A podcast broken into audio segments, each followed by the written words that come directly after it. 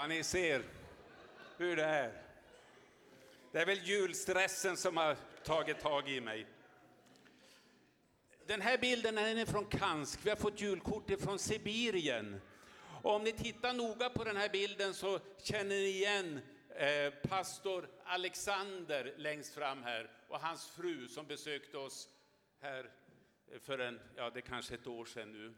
De hälsar så mycket till församlingen och om de skulle vara med här idag så skulle de säga ja och amen till allt vad jag kommer att säga. Jag är helt säker på det. För den här församlingen jobbar ju efter den där principen som står i Apostlagärningarna 6. Vad står det där då? Jo, det var, står det om en församling som hade stor framgång, står det. Det stod att många började tro och komma med i församlingen. Och det var tre saker som var viktigt i den församlingen. Ett, det stod att det var ordet och bönen. Ordet, tjänst och bön. Och sen ett starkt socialt arbete. Man delade ut mat till änkor. De tre sakerna var väldigt, väldigt viktigt för den här församlingen i Apostlagärningarna. Och det är det också för församlingen i Kansk. Den här församlingen är ungefär 25 år gammal, den ni ser på bilden. De har under de här 25 åren startat 30 nya kyrkor i, i grannbyar och grannstäder. Och pastorn i varenda en av de här församlingarna, de 30 nya alltså, utom en, har varit alkohol och drogmissbrukare, leda, legat i rännstenen. Men en enkel medlem från församlingen har tagit dem till ett, ett rehabcenter och så har de fått hjälp och fått möta Jesus och så har de fått en tjänst och nu är de pastor i församlingarna. Kan du fatta? Ja. Och församlingen växer hela tiden med människor ifrån deras barmhärtighetshus, eh, där de tar hand om människor som har, har dålig ekonomi, ifrån eh, de här hemmen för drog och alkoholmissbrukare. Och jag frågade pastor Alexander, hur många i er församling kommer från sådana här socialt jobbiga eh, Eh, miljöer? Och då sa han, mer än hälften av församlingen direkt och resten är deras anhöriga. Ja, det är otroligt. Och det är ju det här som PMU vill vara med och styrka. Det är ett starkt socialt arbete ute över vår värld och är minst lika viktigt för oss. Eh, LP här, det är jätteviktigt. Gud välsigne er. Ja, och vi är så glada, jag vill framföra ett stort tack från PMU eh, för, eh, för det ni gör genom vår second hand-butik, alla som är där och jobbar. Ni som skänker grejer dit, ni som köper grejer. Och till vår församling har jag också ett uppdrag att tacka. Vi får ju en stor gåva eh, varje år ifrån, ifrån Pingst i Skellefteå. Ett par bibelord. Det här är ju missionsbefallningen. Och den här kan säkert många av oss. Jesus han sa att vi ska gå ut och göra alla folk till lärjungar. Vi ska döpa dem och vi ska lära dem och då har han lovat att vi ska vara med. Han ska vara med alla dagar till tidens slut. Ett fantastiskt löfte på många sätt. Tänk att Jesus har lovat att vara med oss alla dagar. Både en sån här glad dag som idag, men även om jobbiga dagar ska han vara med och stötta och hjälpa oss. För sådana dagar har vi också. Men det var ju det, om vi går ut och gör folk till lärjungar. Om vi lever i det här, att fler ska få höra om Jesus. Eller som den där karln sa, pingsvänner måste ut. Vi måste dela med oss av vårt budskap på något sätt. Det är ingenting vi ska ha hemligt i våra hjärtan, utan det här är någonting fantastiskt som vi gärna och på allt sätt ska försöka få andra att förstå. Men det finns ju en annan missionsbefallning också. Och det är från Matteus 25. Ja, ni ser vad som står här. Jag var hungrig och ni gav mig att äta och så vidare och så vidare. Det här är kärleksgärningarnas väg.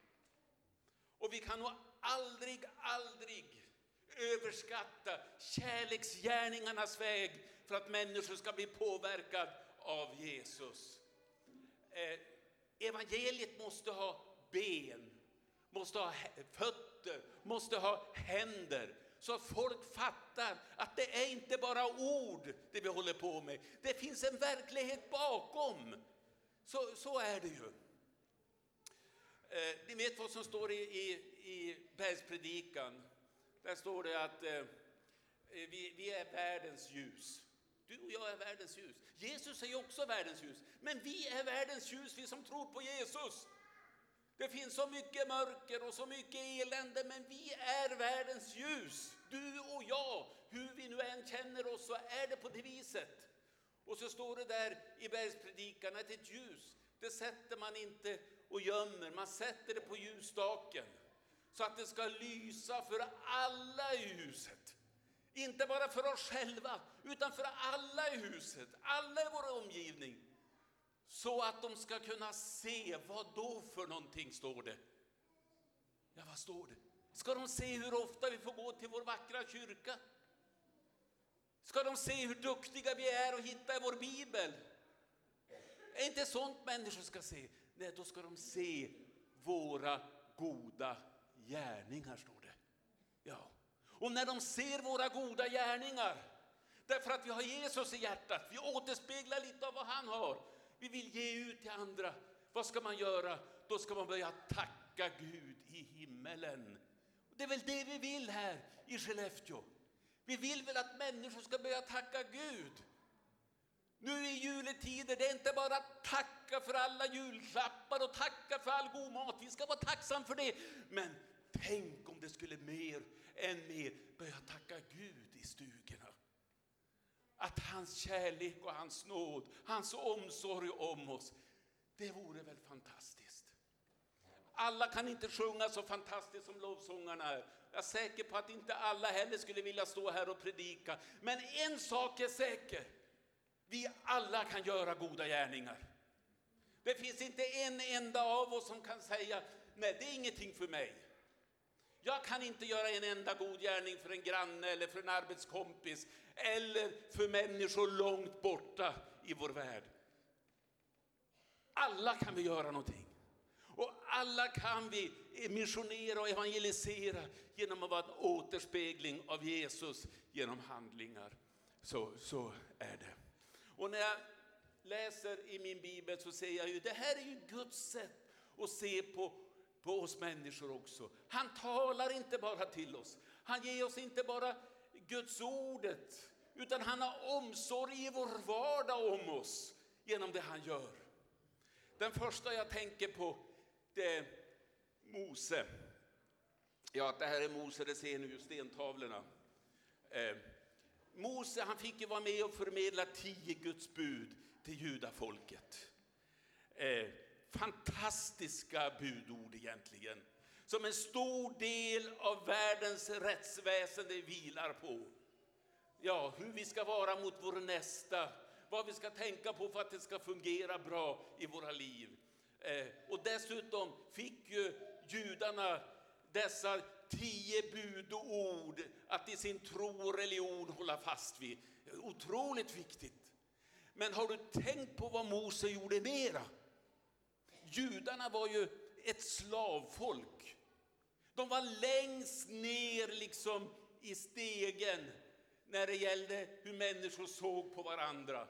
De var arbetskraft och ingenting annat. Deras liv betydde inte så mycket, utan de fick jobba och många jobbade ihjäl sig i Egypten. Vad hände med Mose framträdande? Jo, de fick resa på sig och känna, vi är också viktiga. Vi är också en familj som Gud bryr sig om. De kunde liksom känna det att nu är det slut på att folk ska se ner på oss. Vi är Guds folk. Oh. Och så fick man lämna slaveriet. Jag visade en bild i Bure hur man flyttade ett helt hus. Och någon eh, sån här eh, mäklare har ju som, som eh, liksom slogan från ett läge till ett annat läge. När vi ska flytta alltså. va?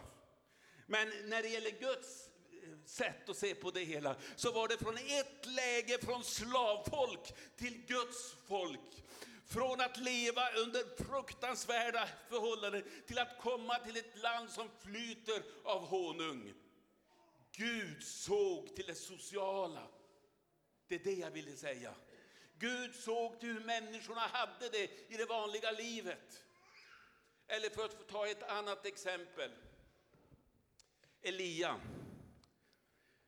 Ja, ni vet det här när han var på berget. Det var fullt med eh, flera hundra Balsprofeter där som trodde på en annan gud och så skulle det avgöras vem som har med den levande guden att göra. Och så gjorde de två stycken altare.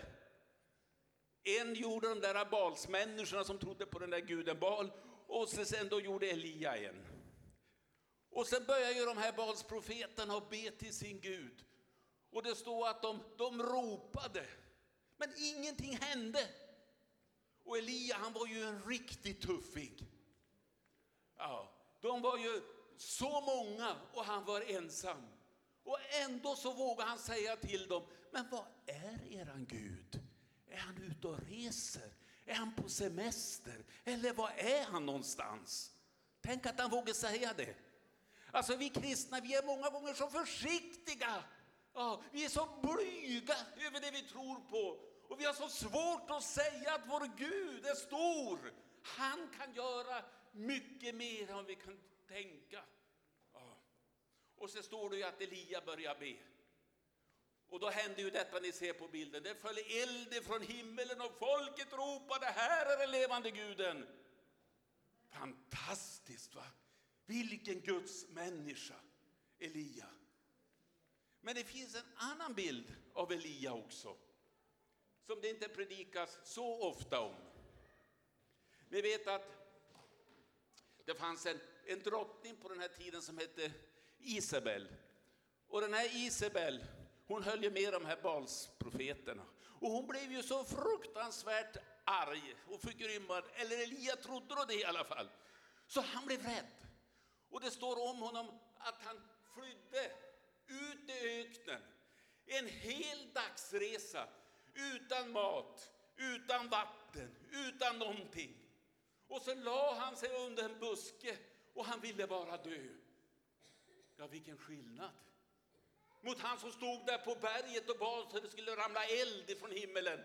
Till en som ligger under en buske ute i öknen till att dö. Ja, men så där är då våra människa. Det är så där för oss alla. Det finns berg och det finns dalar. Det finns dagar då det känns fantastiskt och då vi tycker allt går vår väg. Och så finns det andra dagar som är jättejobbiga. Men Gud är med här också i de jobbiga stunderna. Kom ihåg det. Och när Elia låg där under busken, då står det att det kom en ängel ja, konstnären har, har målat det så här. Och den här ängeln hade ju ett budskap med sig förstås till, till Elia. Vad var det då? Var det ett, ett lite strängt budskap? Hör du Elia, upp och hoppa! Vad ligger du här för egentligen? Nej du, sån är inte vår Gud. Vår Gud är inte en sån där dömande, hård Gud som liksom ska nagelfara oss och vara dum med oss. Nej, ängeln hade ett helt annat budskap. Ängeln hade med sig det Elia mest av allt behövde för att kunna dra vidare. Och vad var det? Jo, vatten och bröd. Ja, tänk att få vatten och bröd ifrån himmelen. Och Elia han, han, som, han, han, han drack av det där vattnet och han åt av det där brödet. Och det var nog väldigt gott för det står om honom att han somnade. Ja, du vet ju, det är väldigt gott att äta på kvällen när man är trött. Men det är farligt. Mina ryska vänner, de säger det att Staffan, ät inte så mycket för då står slipsen rakt ut snart. Ja. Nåja, skämt åsido, han somnade. Men vet du, Gud ger sig inte. Alltså vi kan tröttna och vi kan ha det jobbigt och vi kan tänka att jag ger upp. Men Gud ger inte upp. Han vill att vi ska dra vidare. Och ängeln kom tillbaka med lite mera bröd, med lite mera vatten. Och profeten tog del av det också, han drack och han åt. Och det står om honom att han kunde gå 40 dagar och 40 nätter på den måltiden. Ja, kan du fatta? Tänk om vi kunde åka hem och äta lite mat nu och sen nästa gång vi äter i slutet på januari. Men du vet, Gud, det han gör, han gör det helt, det är mycket bättre än vad någon människa kan göra. Och var gav han sig iväg någonstans? Jo, till Guds uppenbarelseberg. Horeb fick nya uppgifter som profet. Det är där PMU vill vara. En ängel som kommer och ger människor det man mest av allt behöver för att kunna dra vidare. Det är PMUs uppgift. Och det är den uppgiften som vi tillsammans, vi församlingar, får vara med och stötta genom att vi har PMU. PMU finns i 35 olika länder, ungefär. Där har vi samarbetspartners. Och det finns några saker som är särskilt viktiga för PMU. Det kan förkortas i det som står i Galaterbrevet. Här är inte man och kvinna. Här är inte jud och grek. Här är vi inte slav och fri. Alla är vi ett i Kristus. Vi vill se till att kvinnor har, får, får lika behandling som män. Därför, därför satsar vi på kvinnor världen över. Det är en fruktansvärd diskriminering av kvinnor i många länder. Både i samhället men också i församlingen. Där kvinnor inte får ge utlopp för sina gåvor, det Gud har kallat dem till. Och blir diskriminerade i samhället genom lagar man har. Och det är mannen som bestämmer allt och trycker ner sin kvinna. Det är obibliskt. Och därför står PMU upp för kvinnor världen över. Det är jätteviktigt. Här är inte jud och grek. Bort med all nationalism. Vi ska inte hjälpa människor bara för att det är ett visst folk. Vi ska hjälpa människor därför att det är Guds skapelse. Och Gud älskar varje människa oavsett vilken nationalitet man tillhör. Här är inte heller slav eller fri. Det är inte sånt som ska avgöra om man behöver stöd för att kunna dra vidare, utan det är den situation man lever i. Och det sista som är jätteviktigt för PMU, det är barnen. Och därför kommer jag nu de sista minuterna här att fokusera lite grann på barn. Barnen, vi hade barnvälsignelse här. Det är vikt, var viktigt och är viktigt för Jesus och det ska vara viktigt för en biståndsorganisation också. Världen idag ser ut väldigt eländig egentligen. Vi vet att i, i världen så finns det ungefär 20, minst 20 miljoner flyktingar. Det kan vara mer också. 40 miljoner har fått lämna sin del av landet och flytta till en annan del av landet som man bor i. Ungefär som vi skulle tvinga skåningarna att flytta hit till Skellefteå. Inte skulle de tycka att det var så roligt heller. Nej, och vad skulle vi tycka om att bo i Malmö? Det kan man ju också fundera över. Men människor tvingas till det genom situationen. Över 20 miljoner lever i svält idag. Det är sex gånger mer, minst 120 eller 130 miljoner hotas av svält. Så ser vår värld ut idag. Men det som kanske är jobbigast att säga idag när det är barnvälsignelse och allt och barnen är i centrum, det är att varje dag, också denna tredje advent, dör 800 barn därför att man dricker smutsigt vatten. Mat kan man vara utan till en tid, men vatten måste man ha hela tiden. Och finns det inget rent vatten, då dricker man det som finns. Och det är barnen framför allt som drabbas. Imorgon också. 800 barn. På tisdag också 800 barn. Det är den här världen som PMU är kallad till.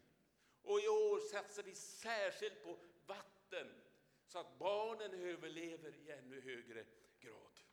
Några exempel innan jag säger amen på vad PMU gör världen över. Jag skulle kunna hålla på hur länge som helst, men det blir inte bra för då glömmer vi allt. Och vi missar fikat också. Det här är från Egypten.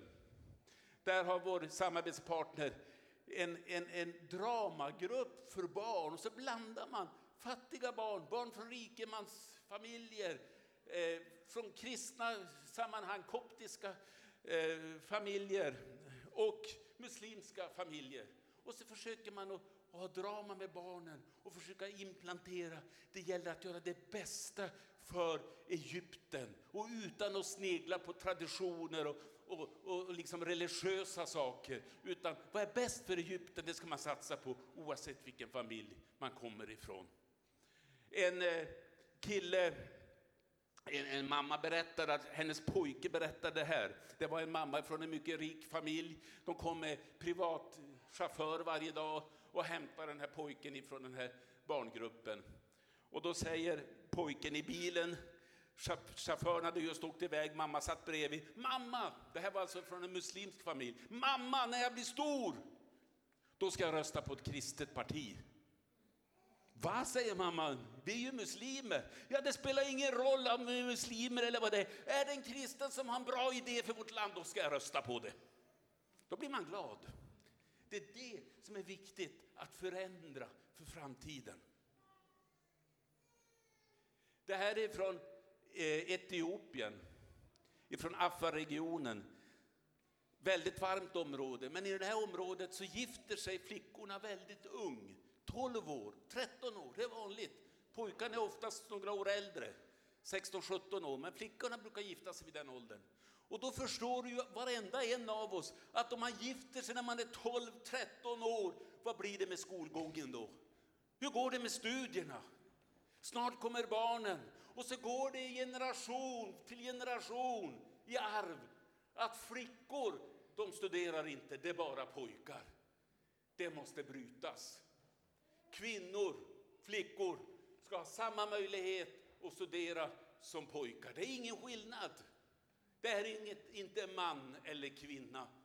Vi är alla Guds barn och har samma möjligheter. Det här är ifrån Kenya.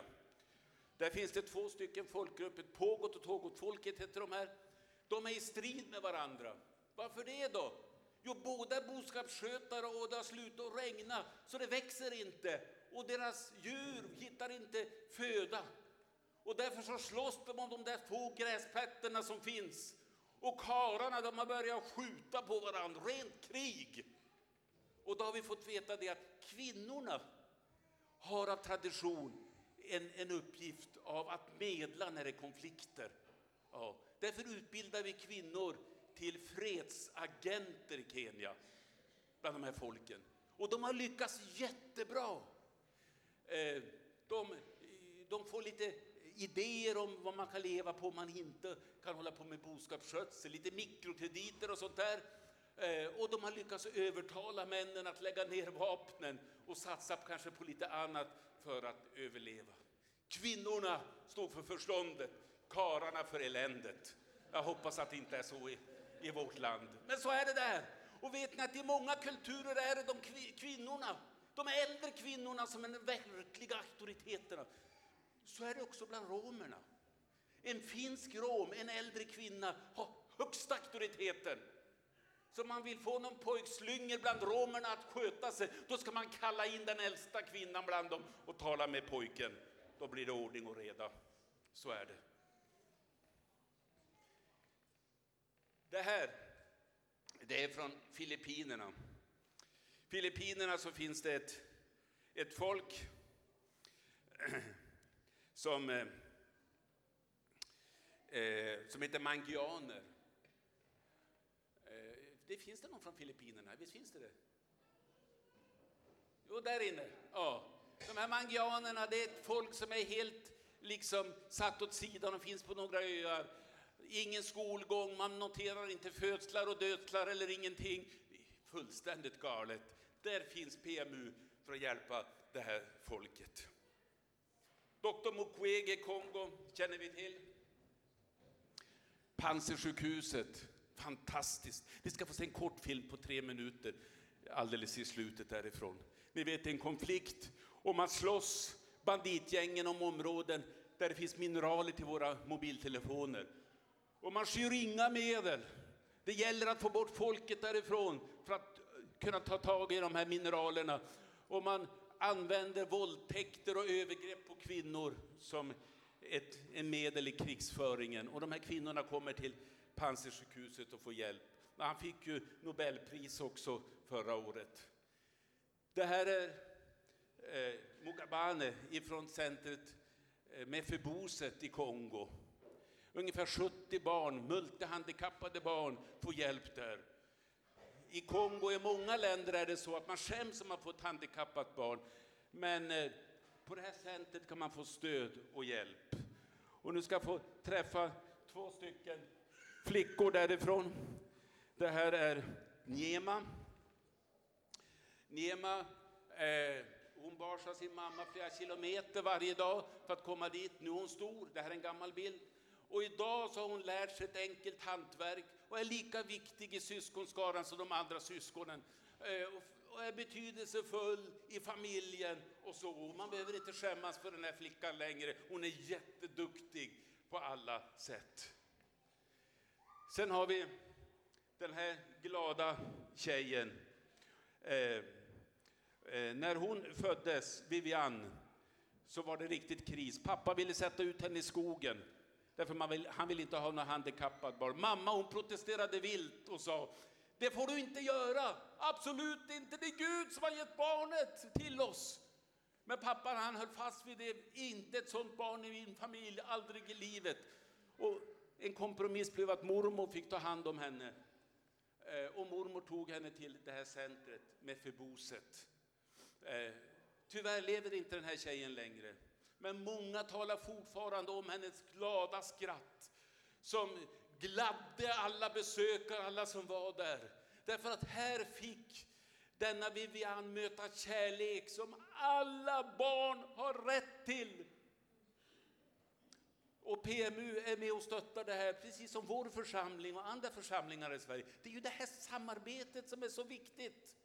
Församlingar och PMU tillsammans för att vara den där ängen som jag talade om. Här är två pojkar som nyss eh, eh, de har varit här sedan de var små, nu ska de ut i, i, i samhället och de vill gärna fortsätta att studera. Datakunskap vill de studera, de vill bli experter på det och det klarar de säkert av. Det är två klipska killar och det ingår också i Mefiboset-konceptet att hjälpa dem vidare ut sen när de blir äldre. Den här tjejen hon är från Nepal, eh, Kamarongfolket. Kamarongfolket lever uppe i bergen. I deras byar finns bara skolor till femman, sexan. När man blir äldre måste man flytta och bli inneboende. Och flickorna har haft det jättesvårt.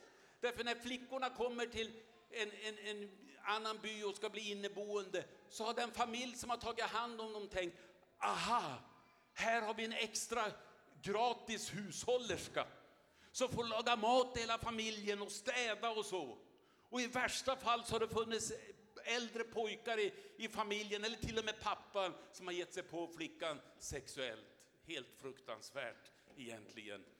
Och därför satsar PMU på eh, ett flickhem där, så att flickorna får bo i lugn och ro och studera. Det här är från Togo, ett av de länder där kvinnor har det allra sämst.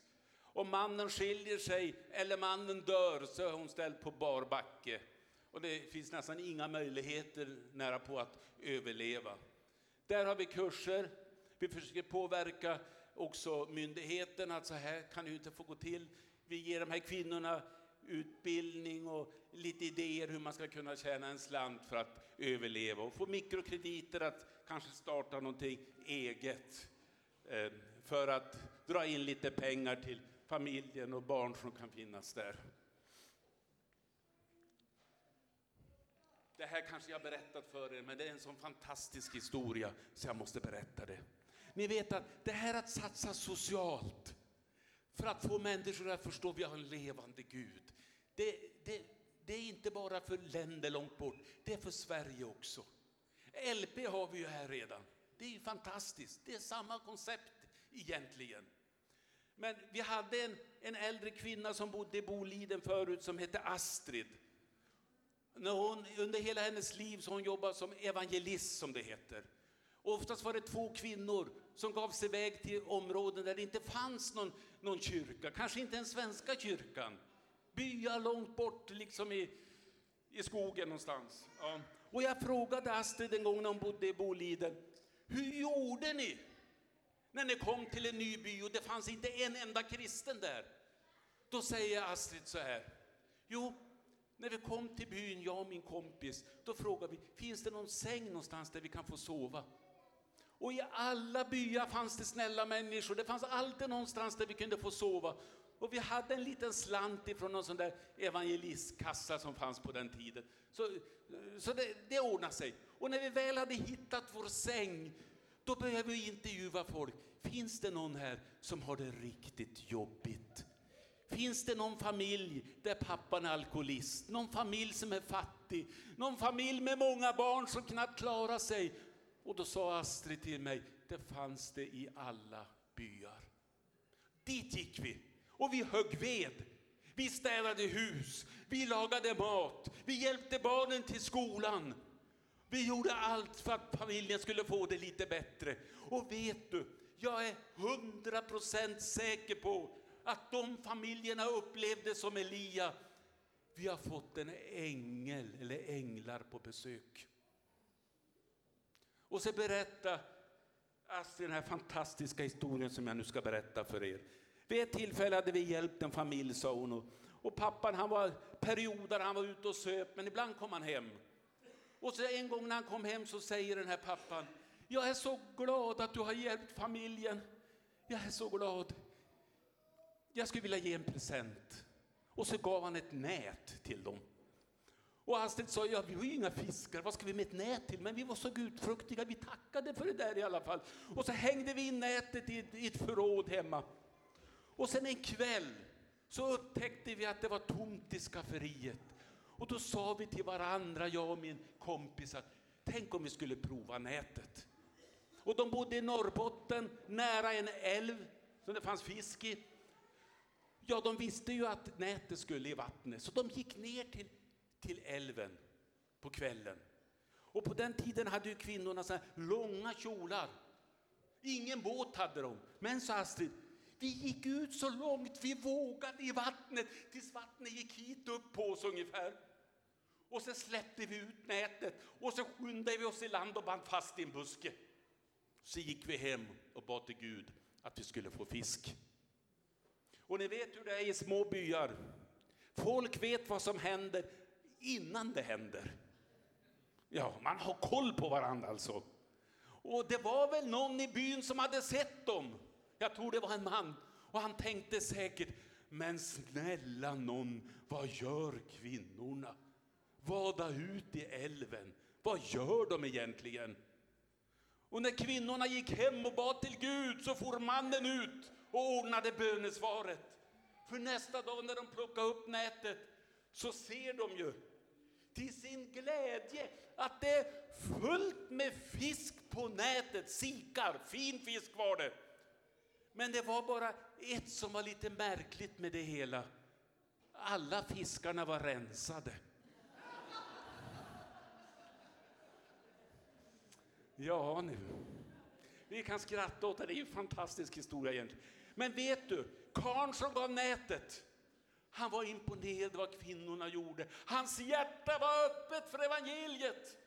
Han som hängde på de där rensade fiskarna på nätet för att de skulle få någonting att äta. Trots att de inte alls hade uppfört sig som riktiga fiskare. Han hade också blivit påverkad och såg upp till vad kvinnorna gjorde i byn. Annars skulle de aldrig, han aldrig ha gjort det. Vi ska hoppas gå snabbt bara till några bilder. Det här är från Tatarstan. Ni vet, de har nyss fått sin bibel. Eh, under många år har min fru och jag genom PMU haft kurser där och genom stöd från vår församling också och Ljus i Öster. Vi har hjälpts åt. Och de här kvinnorna, de har gått till de mest fattiga människorna. Ska vi se om vi får någon den funkar inte längre. Kan du ta nästa bild? Eh, till de allra fattigaste människorna och hjälpt dem. Och sen för några år sedan, tre år sedan, så fick de äntligen sin bibel. Och då blev massa tatarer kristna. Det här är en unik bild, jag har nog visat den kanske tidigare. Det här är den första bilden på en kristen tatarisk grupp. Och många av de här de är vunna genom kärleksgärningarnas väg. Precis som i Kansk, det är inte de våldsamma predikningarna som har gjort det, utan att människorna har visat kärlek genom handling, som PMU vill göra världen över. Och ni ser också vännen Shamil som nu är skickad som missionär till Xinjiang i Kina ifrån den här gruppen. Helt fantastiskt egentligen. Och Eva Maj med muslimsk präst. Muslimska präster kommer till tro och kommer till den kristna gruppen, lämnar moskén och är med i den kristna gemenskapen. Det är helt fantastiskt egentligen. Det här är från Bangladesh, en helt vanlig lärare. En lärare som hjälper barnen. Eh, här har vi Josna, en helt vanlig elev också. Hon ser väldigt glad ut, men hon skulle nog inte vara glad. Därför hon fattar inte vad läraren säger. Läraren talar ett annat språk än hon. Så hon förstår ingenting och det är ju galet. Därför försöker vi hjälpa Josna och hennes kompisar. Vi försöker hjälpa barnen att hitta vatten. Vi försöker hjälpa barnen som finns i, i anslutning till Panzisjukhuset. Man kan bli en sån här barnens rättvän. Det finns där ute eh, papper om det. Ge 50 kronor i månaden eller 100 eller något sånt där, så hjälper man barnen. Dagens kollekt som vi snart ska ta, den kommer att gå till vår missionskassa och där finns ju PMU med också. Så gör en ordentlig insats.